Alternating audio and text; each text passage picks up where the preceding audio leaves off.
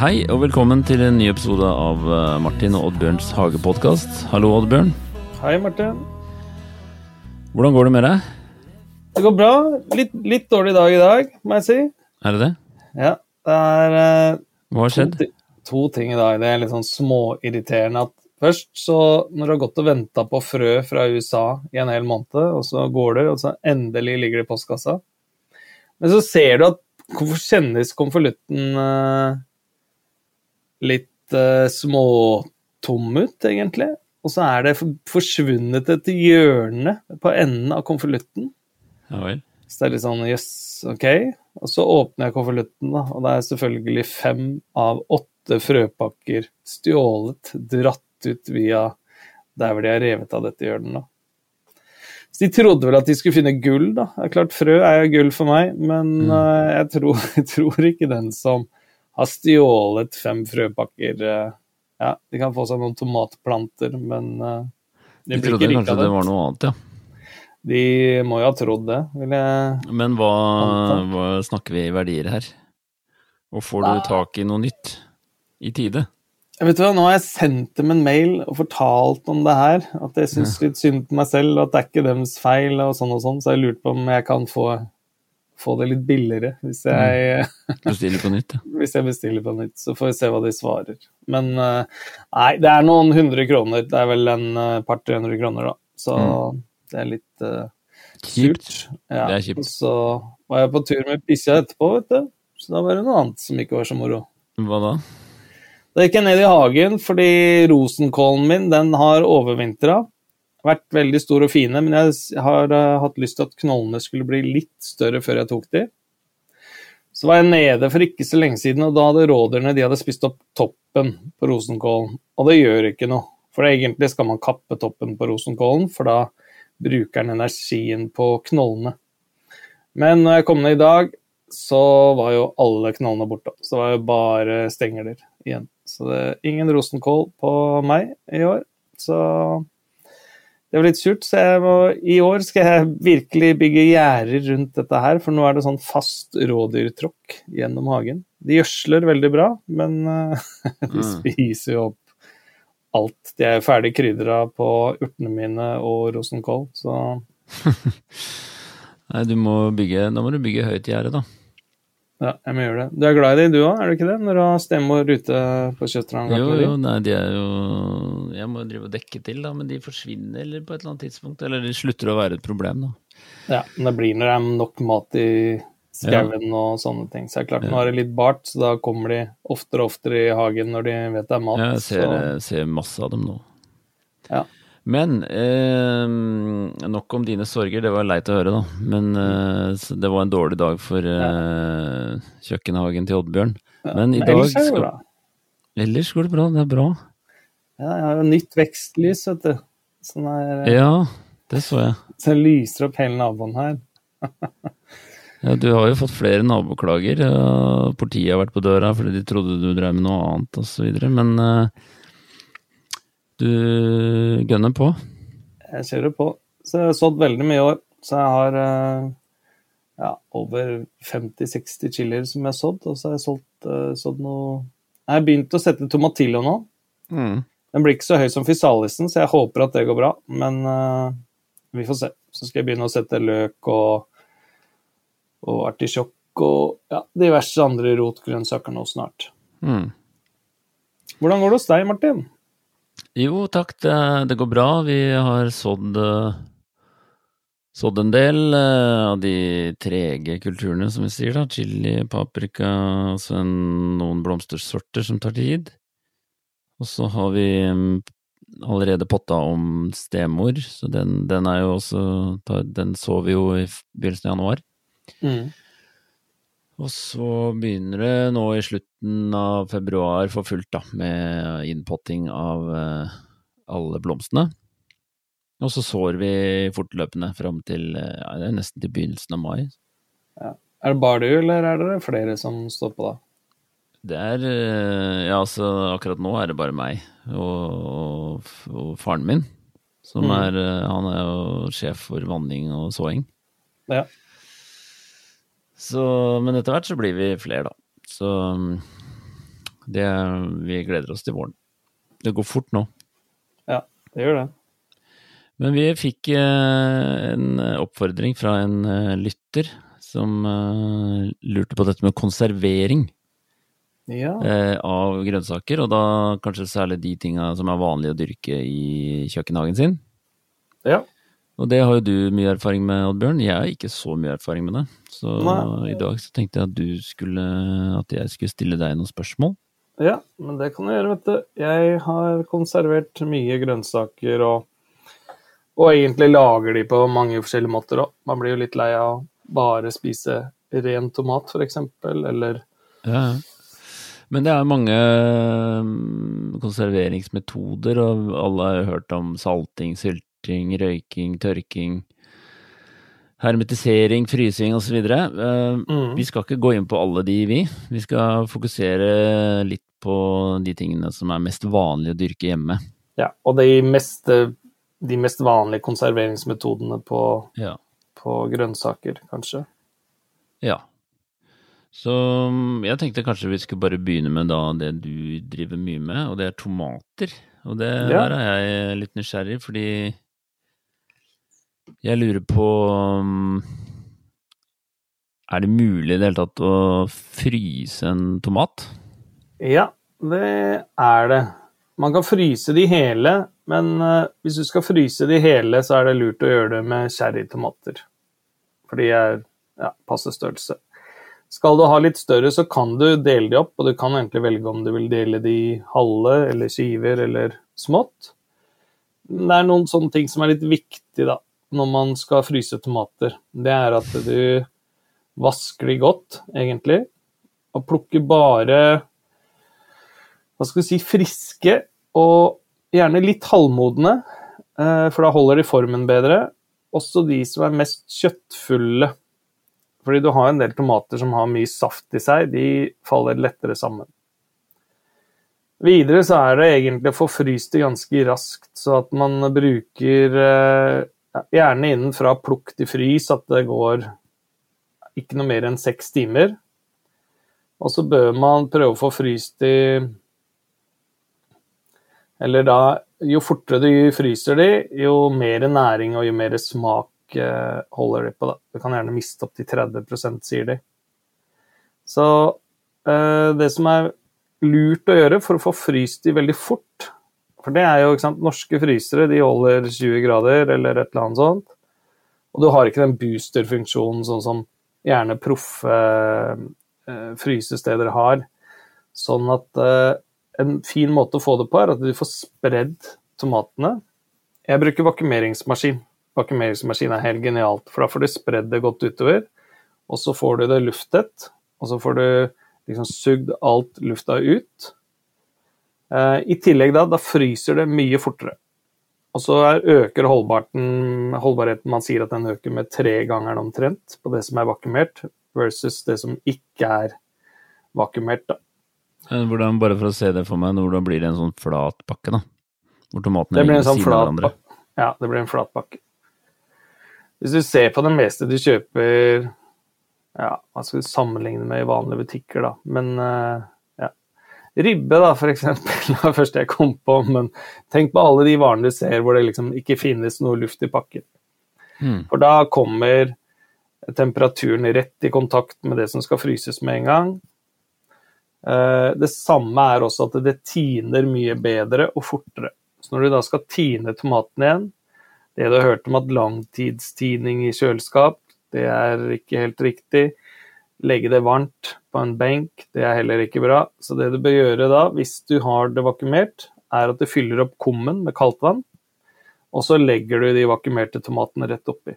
Det samme kan du gjøre med andre grønnsaker, eller kjøtt og fisk osv. Da beholder det formen sin mye bedre, og ting eh, ødelegges ikke, da, eller proteinene, i, i det du tinner. Ok, men hvis man ikke har en vakumeringsmaskin, da, som de sikkert de fleste ikke har, så kan man bare legge det på et brett eller noe sånt, da, ved siden av hverandre, sånn at den der innfrosningen går fort. Det kan du gjøre, ja, og så eventuelt prøve å pakke det tett i eh, poser etterpå. Mm. Men hva med store tomater, går det an å fryse de hele, eller hvordan går det? Det går, men det er ikke så lett, da. Det, gjerne dele de opp litt da. Så skiver er for så vidt uh, greit, egentlig. Så spre skivene litt. Så går det fint. Og da er de brukbare som en vanlig spiselig tomat? Eller bør du bare bruke ja. det i sauser og sånn? Nei, de, er, de holder som spiselig tomat òg, men du vil merke forskjell på fra tomat til tomat. da. Plukker du en sort som har lite saft i seg, som er kjøttfull, og litt sånn halvmoden, ikke sant, og hard, så den, klarer den å holde formen når du tar det ut. Mm. Er det en veldig sånn saftfylt tomat, så gjør den ikke det, og da er det bedre i sauser. Mm. Så, så, det går litt på begge de tingene der, samtidig som at hvis du klarer å få til alle de ja, eh, tingene jeg sa før først, jo bedre, jo større sjanse har du for å lykkes for at, eh, at de klarer å holde formen, da. Mm. Og hvis du da få fryst det fort. Temperaturen ligger under, eller under, dvs. Si kaldere enn 18 minusgrader. Så holder det gjerne sånn 10-12 måneder. Får du det ikke til så bra, så har du holdbarheten på halvparten, tenker jeg. Mm. Men uh, man kan jo også gjøre en eller annen prosess med disse tomatene før man putter det i fryseren? Eller kanskje man ikke putter det i fryseren engang? Nei, det er jo mange måter å gjøre det på. Uh, noen skallet kan bli litt sånn hardere når du har tint de. Så hvis du ikke vil ha skall på de, så kan du forvelle de først. Forvelle er jo å ta det i kokende vann, to-tre minutter. og Så tar du de opp, og så putter du de i iskaldt vann. Og så er det da egentlig bare et lite tynt snitt, og så drar du av skallet. Så det kan man også gjøre. Eh, men jeg gjør jo veldig mange andre konserveringsmetoder på tomater enn det å fryse. Vi lager soltørkede tomater. Det er veldig enkelt. Jeg kan forklare hvordan. Mm. Eh, deler de i to, eh, og så legger de da med kjøttsiden opp. Strør på et tynt lag med salt. Ikke mye, veldig, veldig lite. Det er, veldig, det er viktig, fordi de går fra store tomater til bitte, bitte små. Mm. Så da kan det bli for salt. Mm. Eh, ha på litt eh, krydderurter, litt olivenolje, sette det på et brett, og så inn i ovnen på rundt 100 grader i ca. fire timer. Du kan kjøre enda kaldere over natta, f.eks. Hvis du skrur ned til 50 eh, eller 75. Da er det 75, så bruker du kanskje 6-7 timer. Men litt dette med hvor lenge på en tomat, det er litt sånn hvor stor er en fisk. Mm. Hvor lang tid bruker den tomaten din på å bli inntørka, det er jo vanskelig å si. Det kommer an på størrelsen på tomaten, og det kommer an på hvor ja, mye saft som er i tomaten, så man må nesten sjekke litt jevnlig, da. Jeg tørker mine på en smoker. Jeg har en sånn treger pelletsmoker. For da får jeg, litt, da får jeg røyksmaken i det også i tillegg, da. Men hva, ok, så etter den prosessen, hva, er de ferdige da? Putter du, dem på glass, eller hva gjør du da? Ja, noen, hvis uh, ikke alle er helt fornøyde med, så har jeg putta noen i en lufttørker og tørka det litt til på noen timer. Da. Men eh, jeg syns det er helt greit at det ligger litt fuktighet på de. Så tar jeg et norgesglass eller et annet syltetøyglass som er rent, gjerne kokte rent først. Mm. Heller på enten en nøytralolje kan du ha på, eh, hvis du Det holder gjerne litt lenger hvis det er nøytralt, men eller en olivenolje. En olivenolje vil miste smaken etter hvert. Og så bare fyller opp, eh, bare legger lagvis soltørka tomat, og så har olivenolje på toppen. Og da holder det i ja, gud veit hvor mange måneder. Jeg har fortsatt ja, noe fra i fjor. Fyller opp uh, helt, fullt med olje, altså. Så alt ligger ja. i olje. Mm. Ja, så ligger under oljen. Yes. Spennende. Uh, er det andre metoder du bruker på tomatene dine? Du lager ja. vel en del saus du, som du fryser? Ja, jeg lager mye pastasauser. Jeg kan legge ut oppskrift med noen. Ja, du kan kanskje eh, legge ut, for det Ja, begynne med oppskrifter her blir litt rotete. Ja. ja, men det er strålende. Men hva er det andre metoder du gjør med eh, Pastasausene, det fryser jeg jo. Eh, noen har jeg i kjøleskapet òg. Hvis du skal ha det i kjøleskap, er det lurt å ha litt syre i. Så det med syrekonservering, det er mm. liksom det samme, da. Har du litt syre i, så dreper du bakterier, så holder det seg bedre. Hva, Rene hva glass da? Sånn, da. Nei, men ofte når jeg lager disse sausene her, så er det gjerne noe hvitvin oppi. Eller balsamico eddik, eller uh, sitron. Mm. Eh, lime kan du ha. Ja. Ja. ja. Uh, supper lager vi.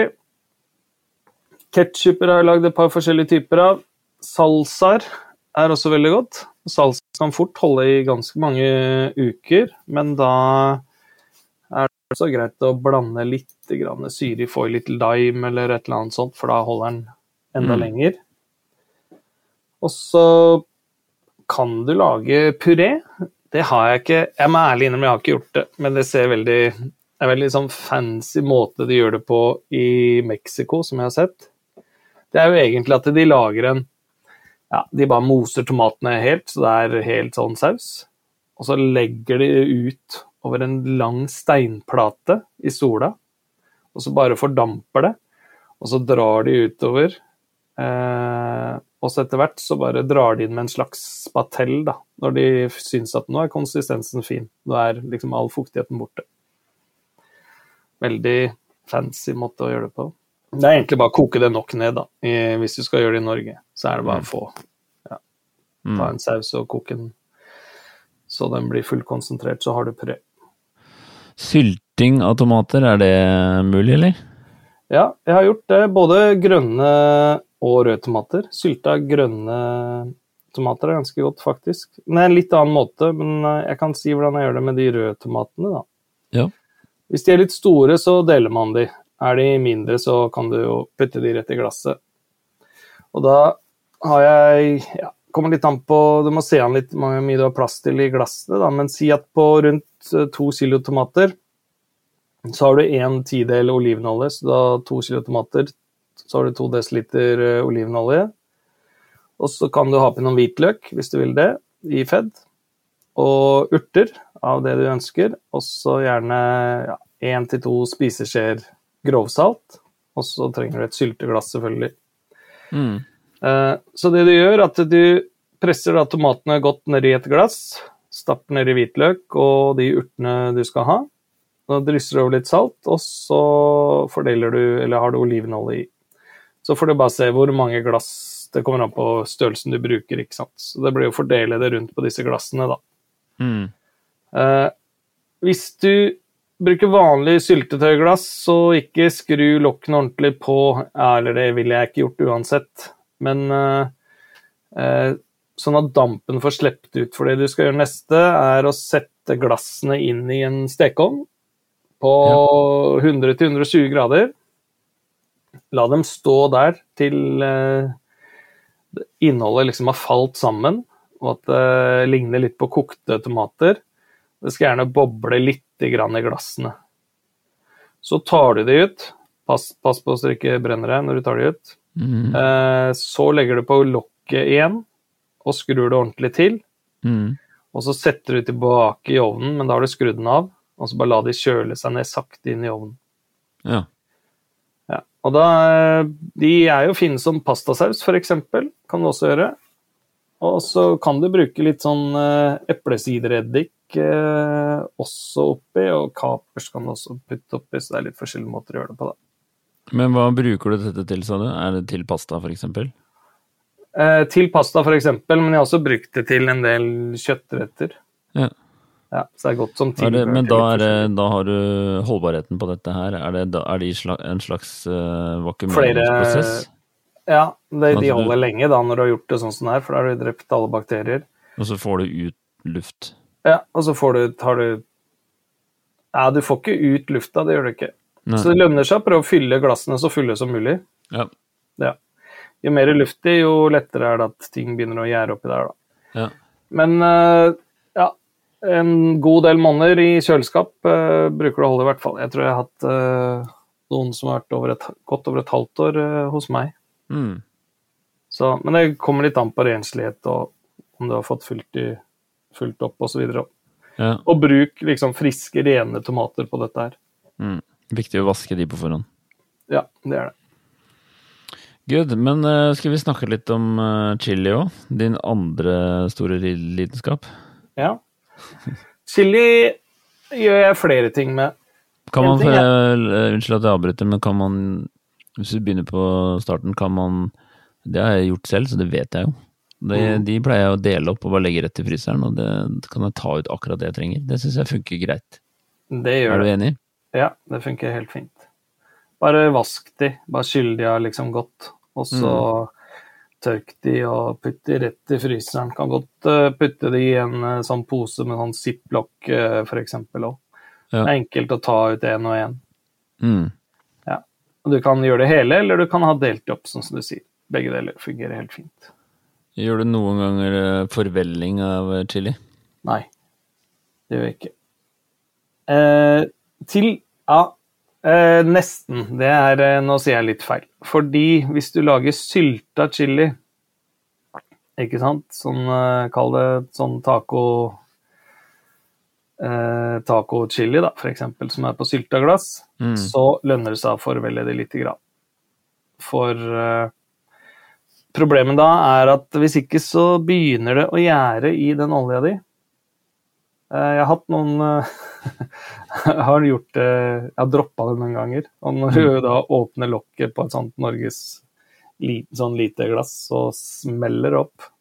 Og så bobler det godt oppi der. Så da har det, da har det stått og gjæra litt. Det gjør ikke noe, det, men eh, ja, det er greit å drepe bakteriene, så holder det bedre. Så de kan Ja. det godt uh, forvelle litt grann, før man sylter dem. Men hvilke andre metoder bruker du der, da? Jeg regner med at du får mye chili Ja, det er. som uh, du kan være selvforsynt med eh, gjennom året, sikkert? Mm. Så da har vi dekka frysing, vi har dekka sylting. Så er det jo egentlig bare å tørke det. Eh, vaske de reine. Du kan ta en synål eller nål og tråd med fiskesnor f.eks. Så kan du stikke gjennom. Så kan du lage litt sånn fin eh, pynt med bare chili som du kan eh, henge opp på kjøkkenet f.eks. Og så kan du bruke den chilien når du trenger. En annen ting som mange ikke er klar over òg, er at når du har en tørka chili, så kan du få den en del tilbake igjen der den var. For den er jo nå dehydrert, dvs. Si at den har mista alt vannet. Mm. Så kan du hydrere chilien igjen. Det er det meksikanerne gjør på veldig mange av sine retter.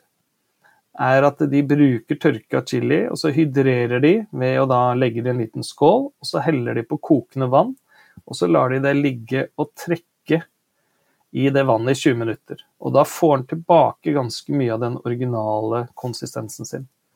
Og den har gjerne skifta smak også, og så har den ofte et annet navn. Oh, ja. Så det er litt eh, Men hva mm, Hvor lang prosess er denne rom, romtørkingen? Før de liksom Å, ja, da, Eller da godt spørsmål hvor lang tid de bruker på å tørke, det vet jeg ikke. altså Det er kanskje ikke så viktig, men at de, de kan bare henge der, og så kan du bare begynne bruke de etter hvert, på en måte. Ja, det er riktig. Så de blir ikke ødelagt eh, på noe tidspunkt. Nei, det gjør de ikke. Men er det noen ganger du tørker de i stekeovnen, sånn som du gjorde med tomater? Ja, det er det. For eh, jeg har da tørka de sånn mye fortere. Eh, og da har jeg også kjørt på rundt 100 grader i fire timer. Og da Men da blander jeg ikke med noe annet, noe olje eller noe som helst. Det er liksom bare chili delt i to. Gjerne tatt ut frøene. Eh, de er rene og fine. Og så står de Og da tar jeg de også på smokeren, da. Sånn at de blir sånn røkt og tørka chili. Ja. Og hvis de da ikke er helt tørre enda, så så kjører jeg de litt ekstra, eventuelt i den eh, dehydratoren min. Eh, si, si to ord om den dehydratoren din. Ja, Det er sånn sånn- sopptørker, kaller man det, ikke sant? som har flere skuffer. Som du da kan stille på en timer, og så går den fra rundt 50, er det da, til 85 grader eller noe sånt. Altså det er rett og slett en tørkemaskin. Det er en tørkemaskin, ja. Kan du tørke våte snowjog og sånn inn der òg, eller? Nei, du kan ikke det. Men du kan tørke urter der. Ja, for det, men det skal vi komme litt tilbake til. Og, Eh, eller men- chili enda mer. Hvis du, vil? Hvis du vil lage chilipulver, så trenger du nest... Nei, du kan gjøre det i ovnen nå, Mm. men da er en dehydrater veldig bra. Det går raskere, rett og slett. Det går raskere, og så blåser den ut fuktigheten hele tiden. Mm. For den er ikke helt tett, i motsetning til en ovn. Så ofte hvis du skal bruke en ovn for å soltørke litt, så bør du kanskje egentlig ha døra litt på gløtt Mm. for å få ut fukten. Ja. Så, og da er det liksom om å gjøre å få chilien helt, helt, helt tørr, og så knuser hun med en morter eller en sånn kaffekvern, f.eks. Har du tatt ut frøene da, eller? Ja. Ærlig både og. Det er både og. Det kommer an på hva du vil. Du kan ha hvor med frøene sterkt i- du vil. Frøene er jo hever jo styrken betraktelig. Har du andre tips og triks når det gjelder chili, eller? Uh, nei, det er vel de tingene jeg gjør, da. Det Mm. er liksom tørka chili som jeg bruker, det er sylta, og det er eh, ja, røyka, og det er chilipulver. Jeg tror ikke jeg Og fryst. Nei, jeg har ikke Mm. noen flere måter da, tror jeg. Nei. Det er kjempebra, men hvis vi beveger oss litt da bortover i kjøkkenhagen, Yes. så kommer vi bort til eh, urtebedene våre. Ja. Og der vokser det som bare det, og vi har et overskudd som vi mm, helst ikke vil se visne når Mm. høsten kommer. Hva kan vi gjøre med de De kan eh, vi ulike urtene? enten tørke de, eller fryse de hele. Ikke noe forvelling. Bare ja, si gressløk, for eksempel, da. Bare klipp det, og med en gang det er ferdig, putt i en sånn ziplock-pose og rett i fryseren. Og så tar veldig... du ut det du trenger ved behov. Og da har du ferske urter når, når de er tint. Ja. Eh, det er veldig enkelt, da. Det er så Ja. enkelt at det burde jeg klare. Mm. Og tørker i kan du enten Du trenger ikke en dehydrator. Det du kan gjøre, er å binde det opp og så henge det opp, da. i, Mm. Ja, i taket eller et eller annet, liksom, så tørker det naturlig, da. Hvis Ja, du hele- da gjerne tar litt mer, da, sånn, eh, så får jeg hengt, så Mm. ha en liten busk som henger der. Ja. Og da blir det på en måte som en tørt gress til slutt, og så har du da sånn tilsvarende det som er på de små glassene som du Ja. kjøper i butikken. Mm, det er riktig. Det høres for lett ut. Ja, men det er lett. Men eh, la oss gå litt bortover eh, her, og der ser jeg borte, der borte ser jeg rotgrønnsakene. Ja.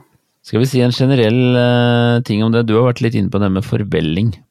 ja. Det er noe jeg eh, vokste opp med som jeg aldri visste hva var, men det har jeg lært meg nå. nå. Ja. Nesten alle grønnsaker kan du jo gjerne forvelle. Og det er jo da gjerne hvis du har en grønnsakskurv eller dødslag, så skjærer du opp grønnsakene i passe store biter.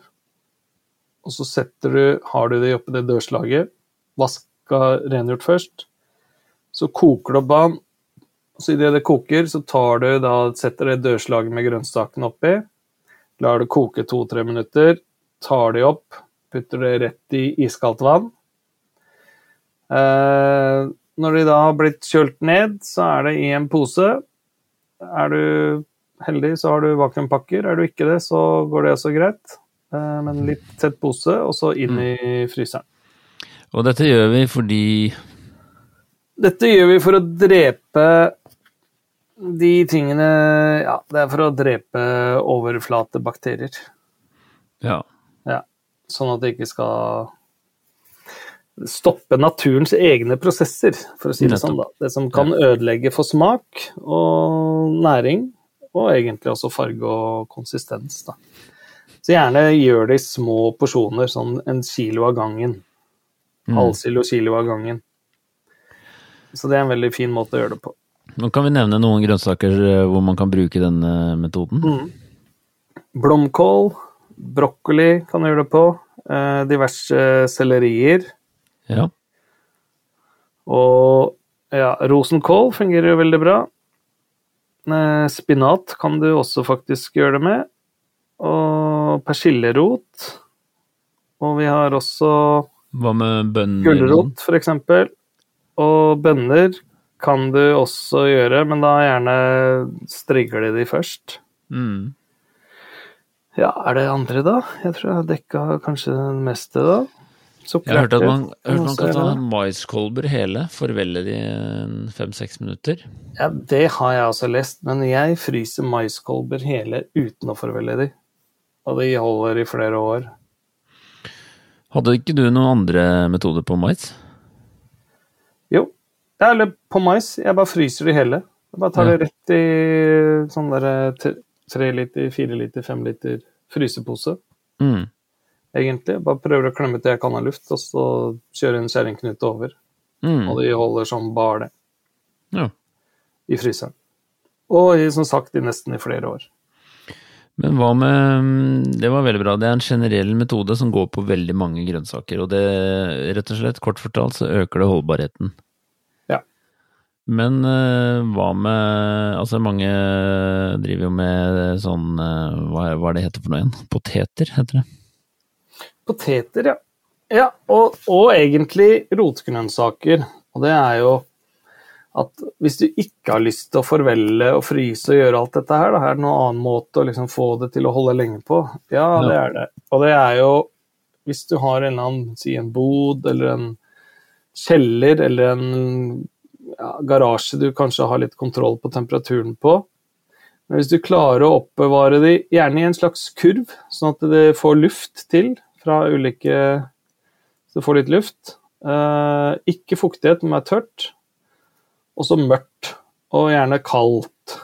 Mm.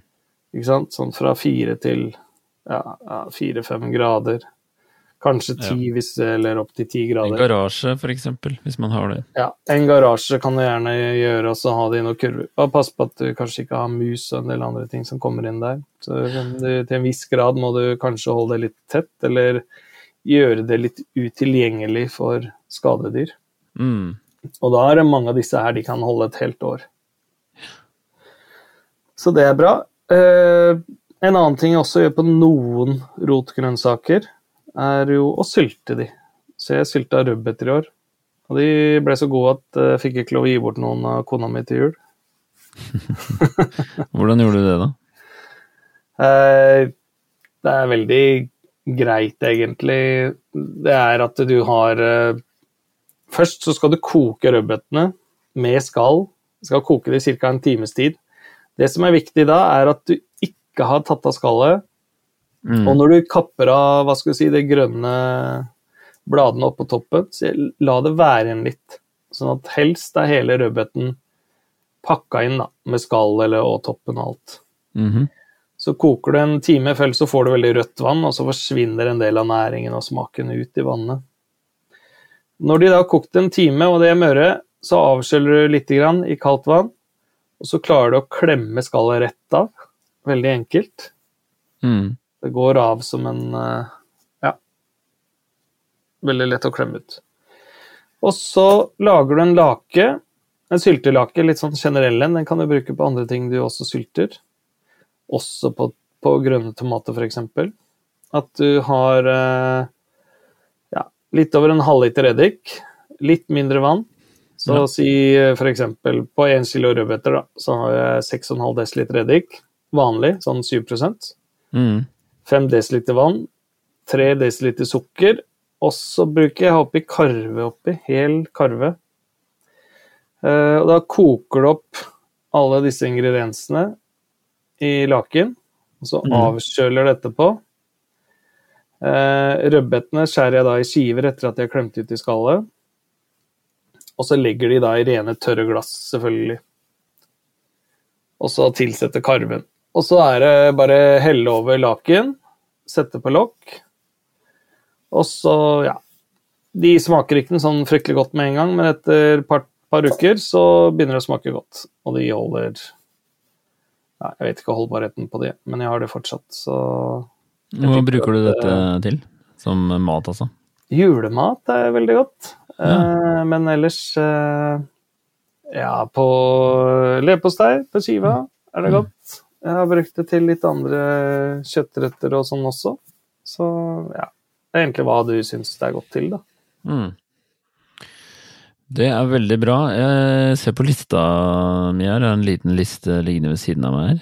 Som, Mhm. eh, Der ser det ut som jeg har vært gjennom det meste. Mangler løk? Du skulle si noe om løk? Ja, det er viktig med løk. Men løk kunne man ha i garasjen, kunne man ikke det? Jo, løk kan du ha i garasjen. Litt kjølig. Mm. Det er min Nei. erfaring der, er eh, bare for å skyte inn det, er at eh, det er lurt hvis de ligger i en kurv eller et eller annet sånt, så det må være luftig som du sa, men det er også lurt å kanskje vende litt på det fra tid til annen. Ja. Jeg opplevde at de som lå nederst ble litt råtne. Det er lurt, for det er det å få spredd de, gjerne i noen kurver. Nå får man jo kjøpt en del sånne som du kan brette, og som er sånn sammenleggbare grønne kurver, for Ja. eksempel. Mm. eh, På mange forskjellige utsalgssteder. Så få spredt de litt, så de får, kommer til luft overalt. Men gjerne når du høster de, høste de når det er en sånn solfylt og tørr dag. Når du da har tatt de opp, så egentlig tørka de, prøve å få av all jord. Alt mulig sånn som kan inneholde insekter eh, og skadedyr og sånne ting. Eh, du kan eventuelt ta det ytterste laget òg, men det er å prøve å ikke strippe løken for alt den har av lag, selvfølgelig. Så kan du la ligge en, tørke en full dag, f.eks. Og så legge de da en eller annen luftig kurv, mørkt og kaldt, litt til å begynne med. Og når det da begynner å tørke litt sånn utapå, du ser begynner å få liksom det ytterste skallet begynner å tørke opp litt, så kan du ta de inn. Eh, jo, det jeg glemte å si, er at når du høster de, så la de beholde det grønne på. Ikke sant? Det bladverket som er langt. La det Ja. være på. For da kan du flette løken. Flette det oppover, og så kan du henge løken inne. For løk, det liker å henge varmt og tørt. Så det kan like gjerne henge på kjøkkenet eller i stua, eller hvor du vil. Og så holder det seg hvordan blir de etter hvert da, når de tørker? Nei, det er stort sett bare det ytterste laget som tørker opp. Men det er klart eh, på, ja, Når du begynner å bikke et år, så, så tørker det lenger og lenger og lenger inn. Ja. Jeg har jo hatt hvitløk her sant, som har hengt der i fem år, og så når du klemmer på den, så er det sånn poff. er den tom? Da er den tom. Så, eh, Så en løkflette, ja. Det, det hørtes veldig sånn fransk ut. ja, og det holder et år, vet du. Så det holder Mm. utrolig lenge. Så det er kjempebra holdbarhet på både vanlig løk og på hvitløk. Mm. Og det, men det er også viktig at det, det er liksom børste av, få det reint, eh, og ikke sånn overmoden løk. Det er nesten bedre å høste litt for tidlig enn litt for sent. Mm. Og så er det bare bruk de friske løkene, og de som liksom ikke er friske, som har litt skader, og som det kan være noe ja, dyr i, eller noe annet. Sånne ting. Eller det kan sitte igjen noen bakterier og sånt som kan ødelegge litt. Så de spiser du heller, da. Først. Mm. Veldig bra. La, da tror jeg vi lar den eh, løkfletta være siste eh, Ja. punkt på dagens agenda. Vi har sikkert eh, glemt noe, så kan vi ikke si det sånn at hvis noen hører på dette og har lyst til å vite mer, så kan de stille spørsmål på vår Facebook-side. Jo, det kan de gjøre. Og så Og kan de der kan de gjerne også komme med forslag da, til hva er det de vil ha oppskrifter eventuelt på. Da. Jeg kan Ja, prøve ja. å legge ut fortløpende òg, men eh, Og hvis noen har noen egne eh, metoder som eh, vi ikke har vært innpå, så er det morsomt om de forteller om det òg. ja, det er veldig moro å høre. Jeg hørte om en nå, skjønner du, som hadde oppbevart en squash og hatt den i seks-syv måneder, og den var fast og fin. Mm. Jeg mener at den bare hadde helt, eh, hengt eller vært kaldt og mørkt. Og luftig den òg, men den eh, Jeg klarer ikke å finne tilbake den, så jeg er litt usikker.